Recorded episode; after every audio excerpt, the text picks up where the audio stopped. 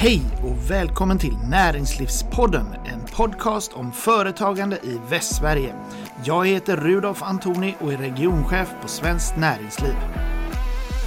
Ja, då står jag här med Jonas Atenius på Svenska Mässans golv. Vi har precis hört ett invigningstal på UF-mässan 2023.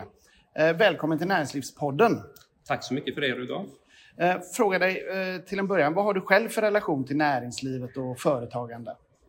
Ja, till näringslivet kan man säga att jag har min anställning i näringslivet och haft i alla år. Jag har alltid jobbat inom privat sektor och byggnadssnickare, eh, tjänstledig från ett stort byggföretag nu här i mitt politiska uppdrag. Men det är där jag har min anställning och jobbat som sagt 28 år. Mm. Och hur ser du på företagens roll i utvecklingen av Göteborg? Du är ju, du är ju kommunstyrelsens ordförande nu. Och mm. hur, hur, ser du på företagen i, i, relation till kommunen? Vem är det som bygger staden, driver staden? Så att säga?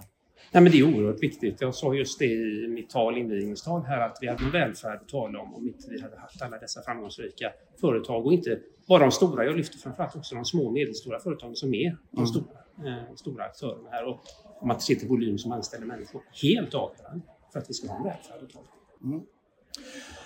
eh, från Svenskt Näringslivs håll så, så gör vi ju mätningar av hur företagen ser på eh, att driva verksamhet i, i den kommun där de är, ja, är verksamma. Eh, och jag upplever lite grann att det finns en kluven bild av hur det är att driva företag. För många går det väldigt bra. Vi ser många expansioner och, och investeringar, etableringar. Eh, samtidigt så pekar våra mätningar för Göteborg inte alltid i rätt riktning. Eh, har du några reflektioner kring vad som ligger bakom det? Men jag tror att eh, det har varit tufft emellanåt. Framförallt, vi har, vi har en stor offentlig förvaltning i stan via kommunen. Och vägarna in i den här snårigheten ibland har varit en djungel och hitta rätt. Och bemötandefrågor har varit en sån del också. Man blir bemött. Framförallt kanske de mindre företagen återigen. Eh, de stora har ofta kanske möjligheter och muskler att ta sig in och hitta vägar. Men de små behöver vi stötta på ett mycket bättre sätt och guida rätt i, i Göteborgs stad men också eh, bemötandefrågor. Och det jobbar vi med. Och min bild är ändå att vi blir bättre på det successivt. Och det kommer vi fortsätta att driva på från, från vår sida. Har ju en ambition eh, från Göteborgs stad att vara liksom bästa storstadsregionen. Eh, hur, hur, ser vägen dit ut? Men jag tror att i grunden handlar mycket om att dels... Nu är det mycket stökigare omkring, men så är det när man är på mässan. Precis, ja. det är live där. Ja. Jag höll på att säga. Eh, nej men så här, i grunden handlar det om att vi måste i grunden vara bra på vårt uppdrag. Alltså hela välfärdsuppdraget, att vi levererar eh, våra ungdomar, barn och ungdomar inom skolan nu så att de får en bra utbildning så att de kan ta jobb i alla företag runt om i stan. Det är en viktig del.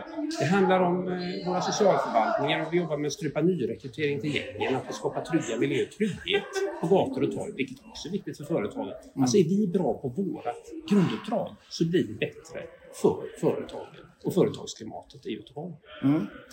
Eh, samtidigt som det går väldigt bra för det västsvenska näringslivet överlag så finns det ju, ja, du är inne på lite grann utmaningarna här också. Mm. Eh, jag tänkte vi skulle prata om några av dem. Mm. Eh, en sån utmaning är ju att vi har ett stort och växande utanförskap. Alltså många mm. människor som är i arbetsför ålder men inte är inne och, och arbetar. Mm. Hur, hur ska vi bryta den utvecklingen? Det är massa olika saker givetvis, men att bryta segregationen är ju eh, en väldigt högt prioriterad fråga för oss. Eh, vi har konkreta förslag som nu kommer träda i kraft här, exempelvis när vi tar emot nyanlända så har vi också sagt att ja, alla kan inte bo i våra förortsområden eller utsatta, särskilt utsatta områden. Vi måste också använda hela stadens samlade kraft för integrationen. Vi vet att det är bättre att växa upp i ett område där man företrädesvis pratar svenska som modersmål du kommer lättare in i samhället, i det vardagliga och inte minst för barnen är det oerhört viktigt. Det är en sån konkret eh, del som vi jobbar vidare med just nu. Men sen handlar det också om att, att på riktigt, eh, vad ska man säga, vi hade en flyktingkris 15-16 mm. eh, eller 14-15 där och, och jag, vi, från Socialdemokraternas sida så var vi ju aktiva att dra ner och det var inte av så att säga, att vi var elaka på något sätt eller kallhamrade på något sätt utan det handlar om en realism. Mm. Att för att klara integrationen så måste det också vara rim och reson för att, så att säga, klara, klara det på ett bra sätt. Och vi fick det här med bosättningslagen, att alla kommuner ska hjälpa, hjälpa till. I landet måste man göra det. Man fördelar. Samma sak vi vill göra i Göteborg. För det tror jag är en viktig del för att, för att främja integration. Mm. Mm. Uh lite andra sidan av, av det här myntet så, så har vi också att, eh, en situation där företagen lider av en stor kompetensbrist. Mm. Eh, det är ett jättebekymmer. Åtta av tio företag eh, uppger att de har svårt att hitta människor med rätt utbildning och rätt erfarenhet. Eh, och, och många rekryteringsförsök misslyckas helt Mm. och hållet. Mm.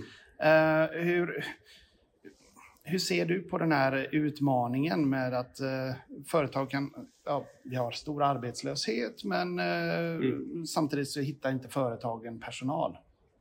Ja, men det här är en av våra knivigaste frågor. Eh, Under ett antal år så har vi jobbat gentemot, nu kan jag prata för Göteborgs räkning, men med, i samverkan med företagen och branscherna får man väl säga i Göteborg, eh, olika, eh, inom olika branschinriktningar för att just främja deras unika specialiteter kopplat till kompetensförsörjning. Vi ser också nu exempelvis inom staden, eh, vi själva som arbetsgivare har ett enormt behov av undersköterskor, lärare, Mm. förskollärare, barnskötare, socialsekreterare och så vidare. Eh, problemet är ju då att eh, det är ju förvisso en del av dem med eftergymnasiala yrken, men det är för tuff arbetsmiljö ser vi.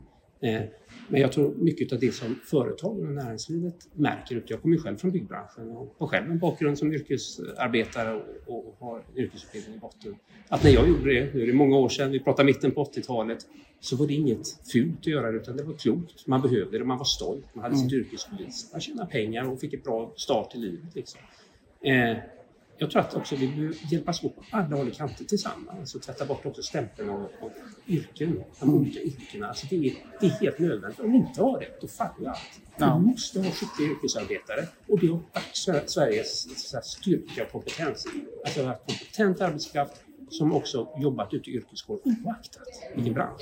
Där måste vi komma tillbaka till det och det är något jag verkligen brinner för personligen. Ja. Ja, nu befinner vi oss här på eh, Ung Företagsamhets årliga mässa.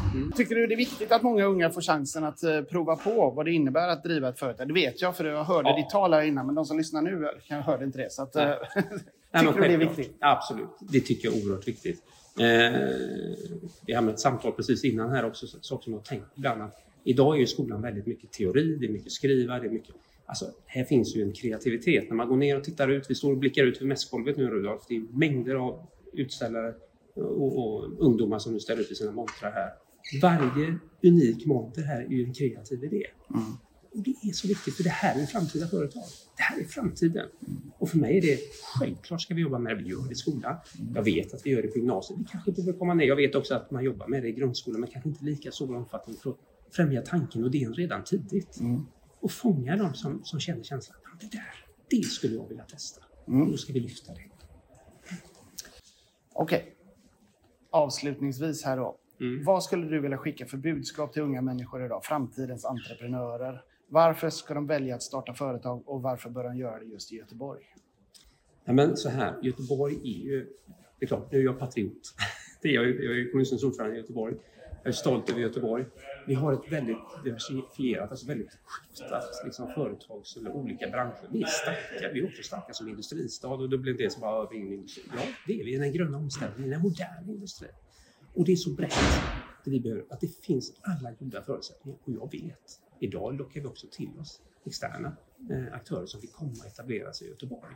Det är ett populärt ställe och vi är framtiden. För vi har den bredden i Göteborg som faktiskt få andra saknar. Och den storlek på stad. Så det här är ett kanonställe att etablera företag på. Så visa framfötterna. Jag tror på er. kör vi.